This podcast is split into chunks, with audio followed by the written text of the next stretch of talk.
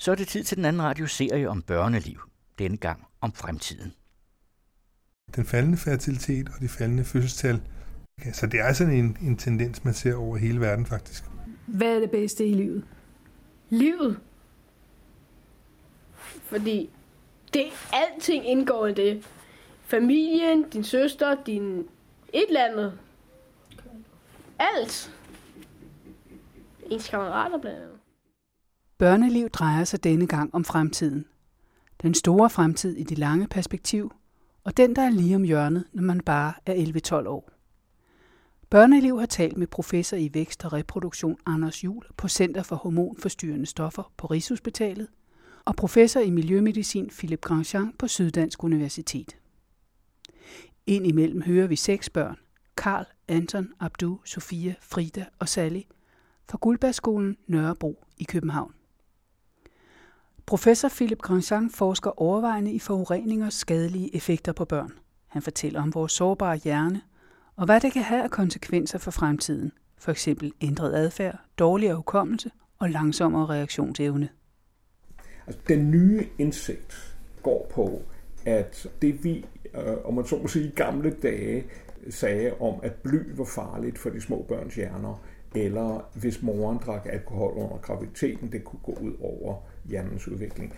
Det øh, har vist sig ikke bare at være noget, der er typisk for øh, bly eller, eller alkohol. Det er noget, der skyldes, at menneskets hjerne er så kompliceret, at udviklingen af hjernen er meget, meget sårbar for skadelige påvirkninger.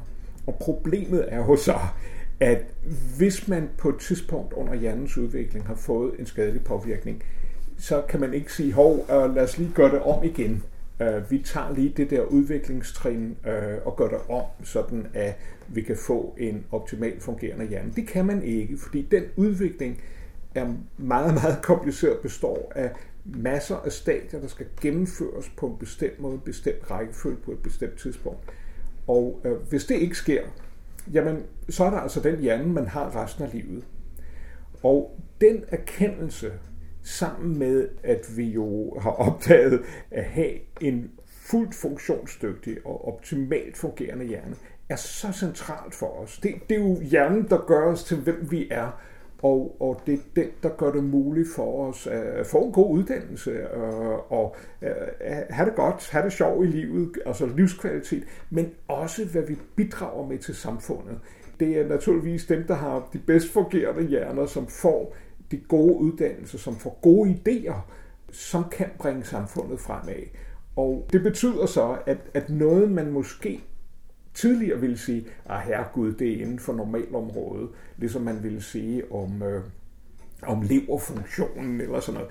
Hjernen er helt anderledes, fordi selv den mindste smule skadelig påvirkning, det er noget, der kan mærke os for resten af livet. Og den erkendelse, øh, sammen med, at det ikke bare er bly og øh, morens, hvad skal man sige, drikfældighed i løbet af graviditeten, de to ting gør, at vi nu ser tingene på en helt anden måde, end vi gjorde for nogle få år siden. Men øh, det er helt klart, at, at øh, alle disse industrikemikalier, og, men, men også øh, metaller, som jo altid har været på jorden, altså både bly og kviksøl, ikke? dem er vi udsat for i langt større grad. Og så er der de nye stoffer, som vores organisme øh, ikke har haft mulighed for at tilpasse sig, fordi det er første gang, at vi er udsat for dem nu, så vi har ingen forsvarsmekanismer. Alt det der på én gang gør, at det her utroligt sårbare organ, nemlig hjernen under udviklingen, er i fare. Og øh, det er derfor, jeg, jeg øh, ved forskellige lejligheder har råbt vagt i gevær, fordi det er meget let at overse, og vores forskning taler, kan man sige, med, med et, øh, et lidt blødt sprog, fordi øh, for overhovedet at få indsigt i det her, så skal vi ofte tage blodprøver fra de gravide kvinder eller urinprøver og øh, følge barnet op. Men, men et spædbarn har jo ikke ret mange hjernefunktioner, vi kan begynde at måle på. Man er faktisk nødt til at vente til, at den hjerne har udviklet sig så meget, at vi kan begynde at, at lave testninger. Altså gerne i skolealderen. Og det betyder så, at for at skabe dokumentation, så skal vi arbejde over mange, mange år, og vi når måske først at se øh, svarene øh, 8 eller 10 år senere. Og så er der en kæmpe forsinkelse på det her. Og når vi så har fundet frem til nogle øh, konklusioner, så er der naturligvis øh, altid nogen, som vil sige, ja, men er I nu helt sikre på, at øh, det ikke er fordi børnene har slået hovedet, eller at øh, moren har drukket mere under graviditeten, end det hun sagde. Og, og jamen, det er naturligvis muligt. Man kan altid rejse spørgsmål. Men, men min pointe er, at der er så meget, der peger på, at det her tilfælde at der må være noget rigtigt i det. Og vi har et, synes jeg, etisk ansvar for næste generations hjerner. Og jeg vil også sige det uh, sådan, at, at med alle de ulykker, min generation har lavet, så har vi altså brug for nogle rigtig gode hoveder til at øh, hjælpe med at rydde op efter os og, og få nogle nye idéer til, hvordan vi kan skabe et samfund, som er mere ansvarsbevidst, specielt over for øh, næste generations sundhed og, og deres hjernekraft. En Min mor far siger, at jeg skal altid tage lidt mere på. Jeg vejer ikke nok. Og øh, så... Ja, så kan jeg godt lide frugt og sådan. Er du meget sund? Det mener jeg da selv, ja. Hvad tænker du om sådan noget fast food og sådan noget nede hos altså burgeren? Og... Med, men ikke sådan rigtigt kommer an på, hvem der laver det og sådan. Hvis der kommer, hvis vi kommer alt muligt rent fedt og saft og pomfritter og bacon i, så gider jeg ikke have det. Hvis vi putter ind imellem agurker i, og får jeg faktisk gulerødder i, så, bliver, så vil jeg gerne spise det.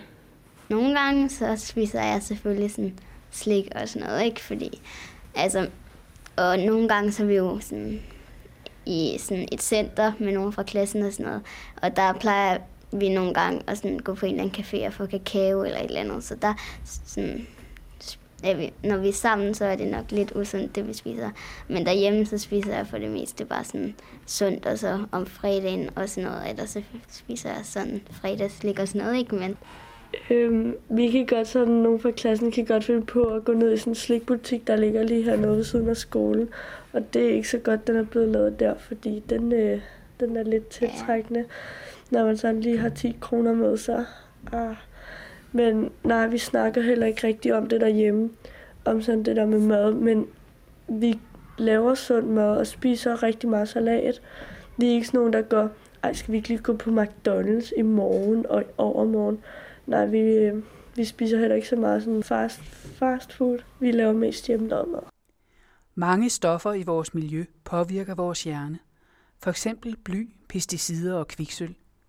Professor Philip Grandjean fortæller her, hvordan man undersøger det. Vi laver jo vores undersøgelser øh, efter de regler, øh, der nu findes for at, at undersøge raske mennesker. Og vi er jo desværre nødt til bare at observere det, der sker, fordi vi, vi kan jo ikke lave eksperimenter, hvor, hvor vi øh, inviterer nogle, nogle øh, venlige gravide kvinder til at spise lidt bly og, og, og tage lidt ekstra pesticider. Jamen, det, det vil være etisk u- uantageligt. Altså, det vil aldrig falde os ind. Men så er vi desværre nødt til bare at observere det, der sker med de usikkerheder, der så er. Og det vi så har gjort er at arbejde i forskellige lande. Altså vi har øh, set på problemer med, med arsenik for eksempel i Japan, fordi der var nogle børn, der, der blev forgiftet med, med øh, arsenik, og de er så nu blevet voksne. Vi har kigget på pesticider i Sydamerika, og vi har arbejdet meget på færøerne, fordi man på færøerne øh, spiser grindeval, og når man gør det, så får man øh, øh, ekstra meget af havets forureningsstoffer i sig. Og fordi det vigtige for os er at opsøge nogle situationer, hvor der er øh, mennesker og børn og gravide, som har meget forskellige grader af udsættelse for de her giftstoffer. Fordi ellers er det svært for os at, at, at se, hvad der går for sig, fordi der er så mange usikkerhedsfaktorer og støj, eller hvad, hvad man nu vil kalde det. Øh, men det har vi så været i stand til at gøre, og nu ved vi fra kollegers og mine egne undersøgelser, at øh, der er i hvert fald 12 stoffer. Der to pesticider, et par opløsningsmidler, øh, nogle metaller, som med sikkerhed skader hjernens udvikling hos mennesker. Og dertil kommer altså så formentlig noget mere end 1000 stoffer, hvor man ved det for dyreforsøg. Og det triste ved det er, at de stoffer faktisk ikke er reguleret for at beskytte menneskets hjerne. Jo, der er naturligvis nogle begrænsninger og forbud og regler, som i nogen grad beskytter os, for eksempel mod dioxin og bly. Men de regler er simpelthen ikke skrappe nok til at beskytte os tilstrækkeligt mod, at stofferne alligevel går ind og laver skader på hjernens udvikling. Og det er det, vi spiser og drikker? Jamen det er det, vi er udsat for i dagligdagen, og det, det er det, vi spiser og drikker. Det er den luftforurening, vi indånder. Det er stoffer, der kommer fra forbrugerprodukter, øh, indpakningsmaterialer og, og meget andet. De stoffer er tilladte, simpelthen fordi man ikke kræver, at de skal undersøges for, om de kan skade hjernen. Ikke engang i dyrforsøg eller noget som helst. Det kræver man ikke. De bedste undersøgelser, de starter med at rekruttere gravide kvinder og tage en blodprøve og en urinprøve osv. Måske øh, ved fødslen kan vi måske få en, øh, en blodprøve for navlesnoren øh, eller et stykke af navlesnoren, for altså, det, ellers det bliver jo bare smidt ud, så kan vi jo lige så godt bede om et lille stykke og nogle dråber, nogle dråber blod, som vi så analyserer for øh, de her giftstoffer, vi mistænker. Og øh, så øh, noterer vi alle øh, relevante oplysninger om øh, fødselsvægt og morens tobaksrygning og den slags ting. Og så følger vi jo børnene op, og vi indkalder dem til undersøgelse på forskellige tidspunkter op til skolealderen. Øh, den, den første gruppe færøske børn, øh, som vi fik lov til at, at følge, de blev født i 1986, og det, det er jo altså 29 år gamle, og vi er faktisk ved at genundersøge dem i øjeblikket. Mm. Og det, det giver jo en fantastisk styrke og et, et perspektiv. Men det, det tager jo altså også rigtig, rigtig mange år, før vi kan få nogle resultater, vi så kan uddrage nogle konklusioner af. Er det så stadigvæk blodprøver, I tager af de 29-årige? Altså nogle ting kan man jo spore i blodprøver. Øh, andre ting kræver, at vi gennemfører det, man kalder neuropsykologiske prøver. Altså, vi, vi måler almindeligvis ikke intelligenskvotient, for, fordi det, det er sådan en pakke af forskellige funktioner. Det vi interesserer os for, det er om der er specielle hjernefunktioner, som er særligt sårbare over for bestemte stoffer. Og, og det kan være sådan noget som opmærksomhed eller hukommelse eller sprogfunktion eller fingerfærdighed eller øh, sådan nogle funktioner, som ligger forskellige steder i hjernen og som øh, i, i varierende grad er sårbare for forskellige giftstoffer. Kunne du lige uddybe det med, at menneskehjernen tænker langsommere i dag end for 100 år siden? Spørgsmålet er jo så, om vi er om man så må sige, dårligere begavet i dag, end, end vores forfædre var det. Og det er meget svært at svare på, fordi hvis man bare ser på almindelige intelligensprøver, øh, så ser det ud som om, at vi er blevet bedre og bedre begavet. Måske nok undtagen de sidste 10-20 år, der, der er der ikke sket nogen yderligere stigning. Men, men det er helt klart, fordi intelligensprøver, det er så noget, man, man rent faktisk også bliver trænet i i skolen. Så det, at man ligesom er forberedt på at skulle løse sådan nogle problemer eller huske nogle tal, det skyldes simpelthen, at børnene har fået en bedre skolegang, end de fik for øh, nogle årtier siden. Men der findes faktisk nogle simple målinger af reaktionstid fra, fra over 100 år siden, som kan sammenlignes med, med det, vi øh, gør i dag, altså vores reaktionstid, når vi får et signal, og vi så trykker på en knap. Og der viser det sig, at det er vi dårligere til.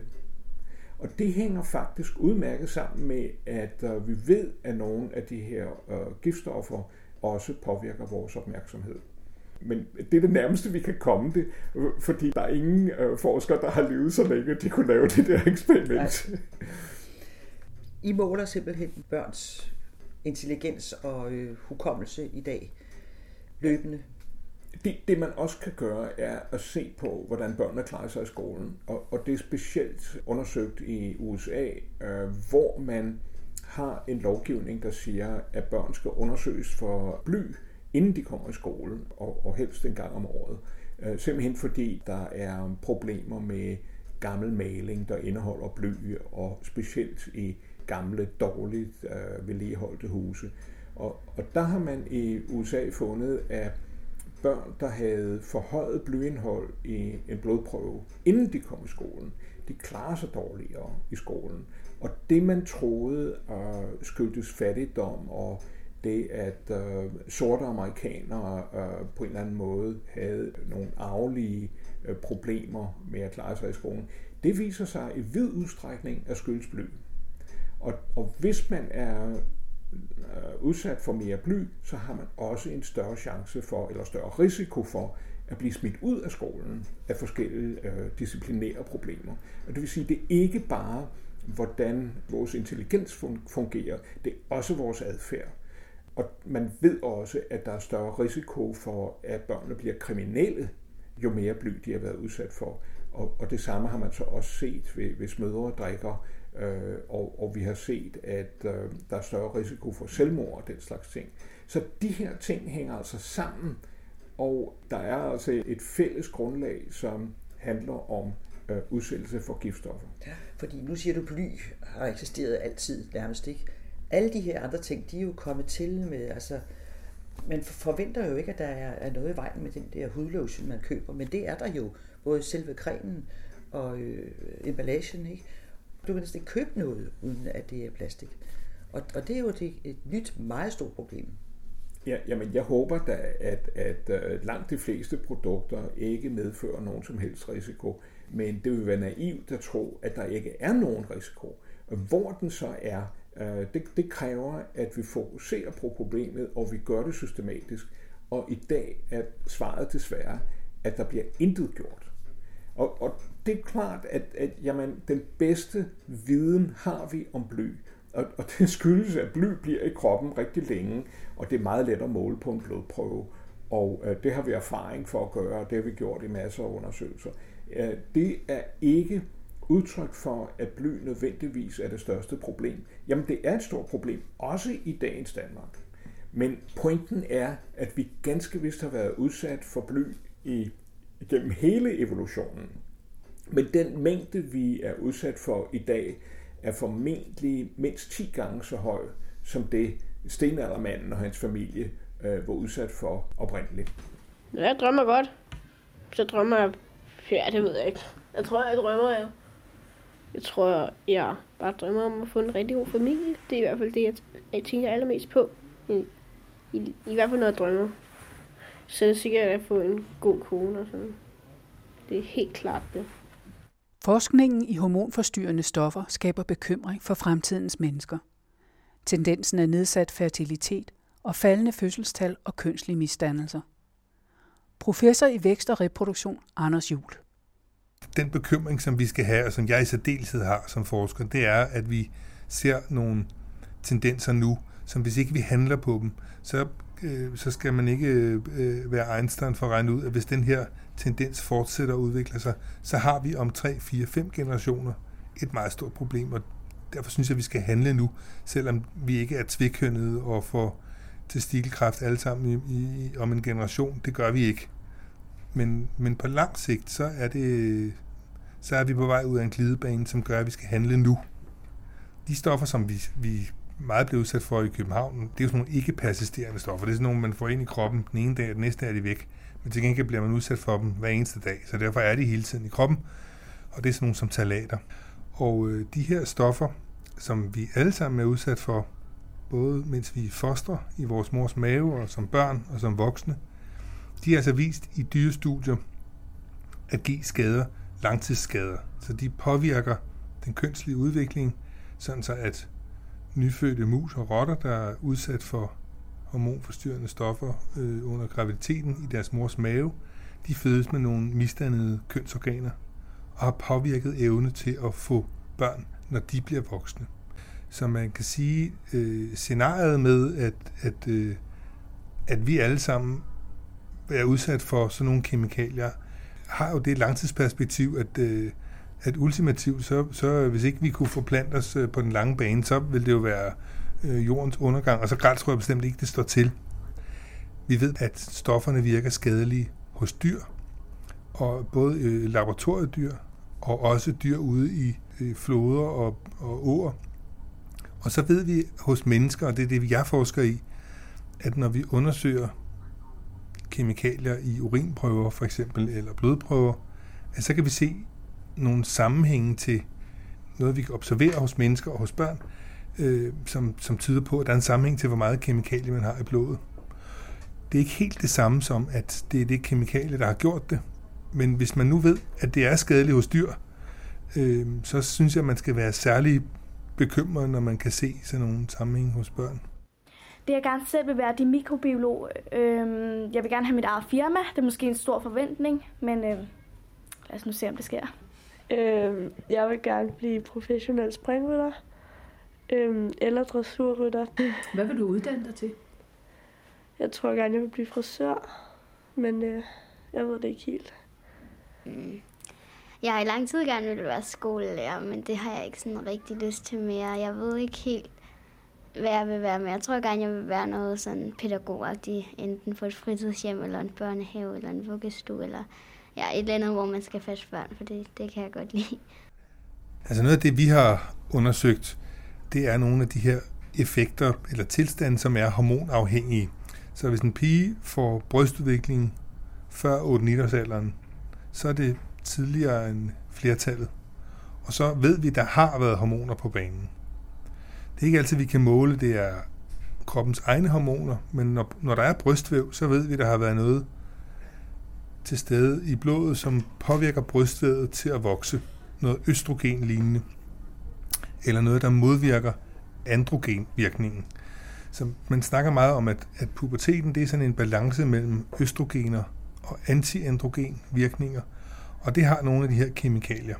Så noget af det, vi kigger på, det er jo om indholdet af nogle af de her stoffer øh, i urinen hænger sammen med, om man får tidlig eller sen brystudvikling, tidlig eller sen kønsbehåring, for eksempel.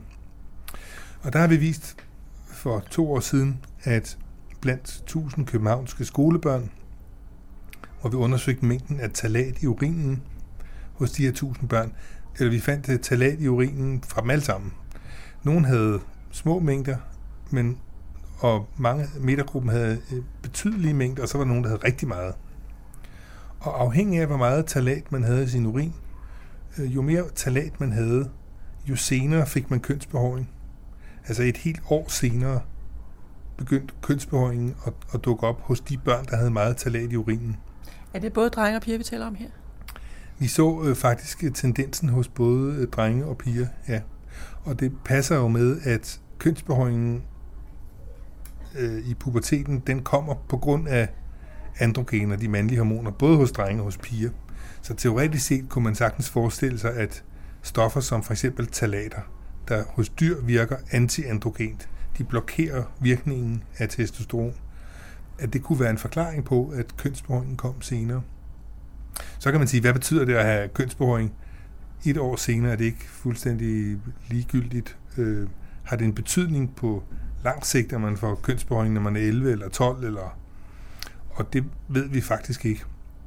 Det, jeg synes, der er det skræmmende ved, ved, øh, ved de her sammenhæng, det er dels, at alle børn har de her kemikalier i deres krop, øh, og at det ser ud som om, at det har en betydning for, hvordan deres udvikling er øh, på den ene eller anden måde. Så kan det godt være, at det er ligegyldigt for det enkelte barn, om kønsbehøjningen bliver udsat et år eller ikke. Men hvis man ser på hele vores børnebefolkning, så, så, så synes jeg, det er scary, at den bliver påvirket af, af nogle kemikalier, vi bliver udsat for. Jeg vil gerne blive fodboldspiller, men jeg ved godt, det bliver meget svært, så jeg har, jeg, har en backup plan, hvis jeg ikke bliver det. Det er så at være advokat, angrebsadvokat. Så jeg tænker meget på en uddannelse, og, men jeg vil også tage lidt stille og roligt, så jeg skal tænke på at være et barn sådan, og ikke tænke på mig for mig på fremtiden. Men min uddannelse betyder rigtig meget for mig, hvis jeg får den. Du skal ikke tænke alt for meget på fremtiden, fordi så bliver du bare ked af det. Du kan også tænke på nuet, så du bare kan lave det, det, det, det. Jeg vil nok helst arbejde med spilleudvikler eller sådan noget, når jeg bliver 30 eller sådan 25. Øh, Det, som, som vi har- har set hos øh, drenge gennem de sidste par årtier, det er, at øh, der er en relativt stor forekomst ved fødslen af øh, milde misdannelser af deres kønsorganer. Det kan være lige fra noget meget mildt og almindeligt, som at, at stenen ikke er på plads i pungen. Det, der hedder kryptokisme. Øh, det ser man hos helt op til en 8 procent af nyfødte danske drenge. Det kan godt være, at det ikke øh, hos alle 8% betyder, at de skal opereres, og at mange af dem falder ned af sig selv. Men det er en ændring i forhold til, hvordan det har været tidligere, og det er en ændring, vi ikke forstår. Det er en hormonafhængig ændring. Øh, Vi forstår ikke, hvad den skyldes. Og vi ved hos dyr igen, at de her hormonforstyrrende stoffer, de kan give anledning til, at testiklerne ikke er på plads i pungen. Så derfor så har noget af det, vi var bekymrede ved og gerne vil undersøge, var om drenge med kryptokisme, altså ikke nedsunkne testikler, om de havde i højere grad udsat for hormonforstyrrende stoffer. Og det er der nogle studier, der tyder i den retning, altså, og som støtter de videnskabelige fund, man har fra dyr, øh, men der er også studier, der ikke viser det. Det er sådan, vi regner med, at ca. 25 procent af raske unge mænd, øh, de kan sagtens få børn, men de har øh, et øh, problem med deres fertilitet, sådan at forstå, at deres sædkvalitet er så nedsat, at man må forvente, at det tager lang tid, før en graviditet bliver opnået. Og 10 procent, der ser det så grælt ud, at der vil man nok tilbyde, at de øh, får hjælp på en fertilitetsklinik. Øh, det, er- det, er de, det er de fakta, der er, når, man, når vi ser på resultaterne fra vores undersøgelser af mere end 6.000 raske unge mænd. At en, en fjerdedel af dem kan forvente, at det ikke går lige så hurtigt med at få børn, som de gerne ville. Men hvor kommer alle de farlige stoffer fra? Hvad hedder de, og hvor findes de? Anders Jul. Ja, man kan vende om og sige, hvor findes de ikke? De findes rigtig mange steder. Altså, de er en del af mange sådan øh, kosmetiske produkter. De findes i øh, maling, gulvtæpper, øh, plastik. De er mange forskellige steder. Der har nok mest været fokus på, på at de var i, øh, i sådan kosmetiske plejeprodukter, øh, sminke og cremer og sådan noget. Og at, at det er jo noget, man smører direkte på huden, og så har der nok ikke tidligere været så stort fokus på, at, at det, man smører på huden, det ryger direkte ind i blodbanen, og er der inde i løbet af 20 minutter, og svømmer rundt i hele kroppen. Så derfor så er det en af kilderne til eksponering, det er kosmetik og cremer.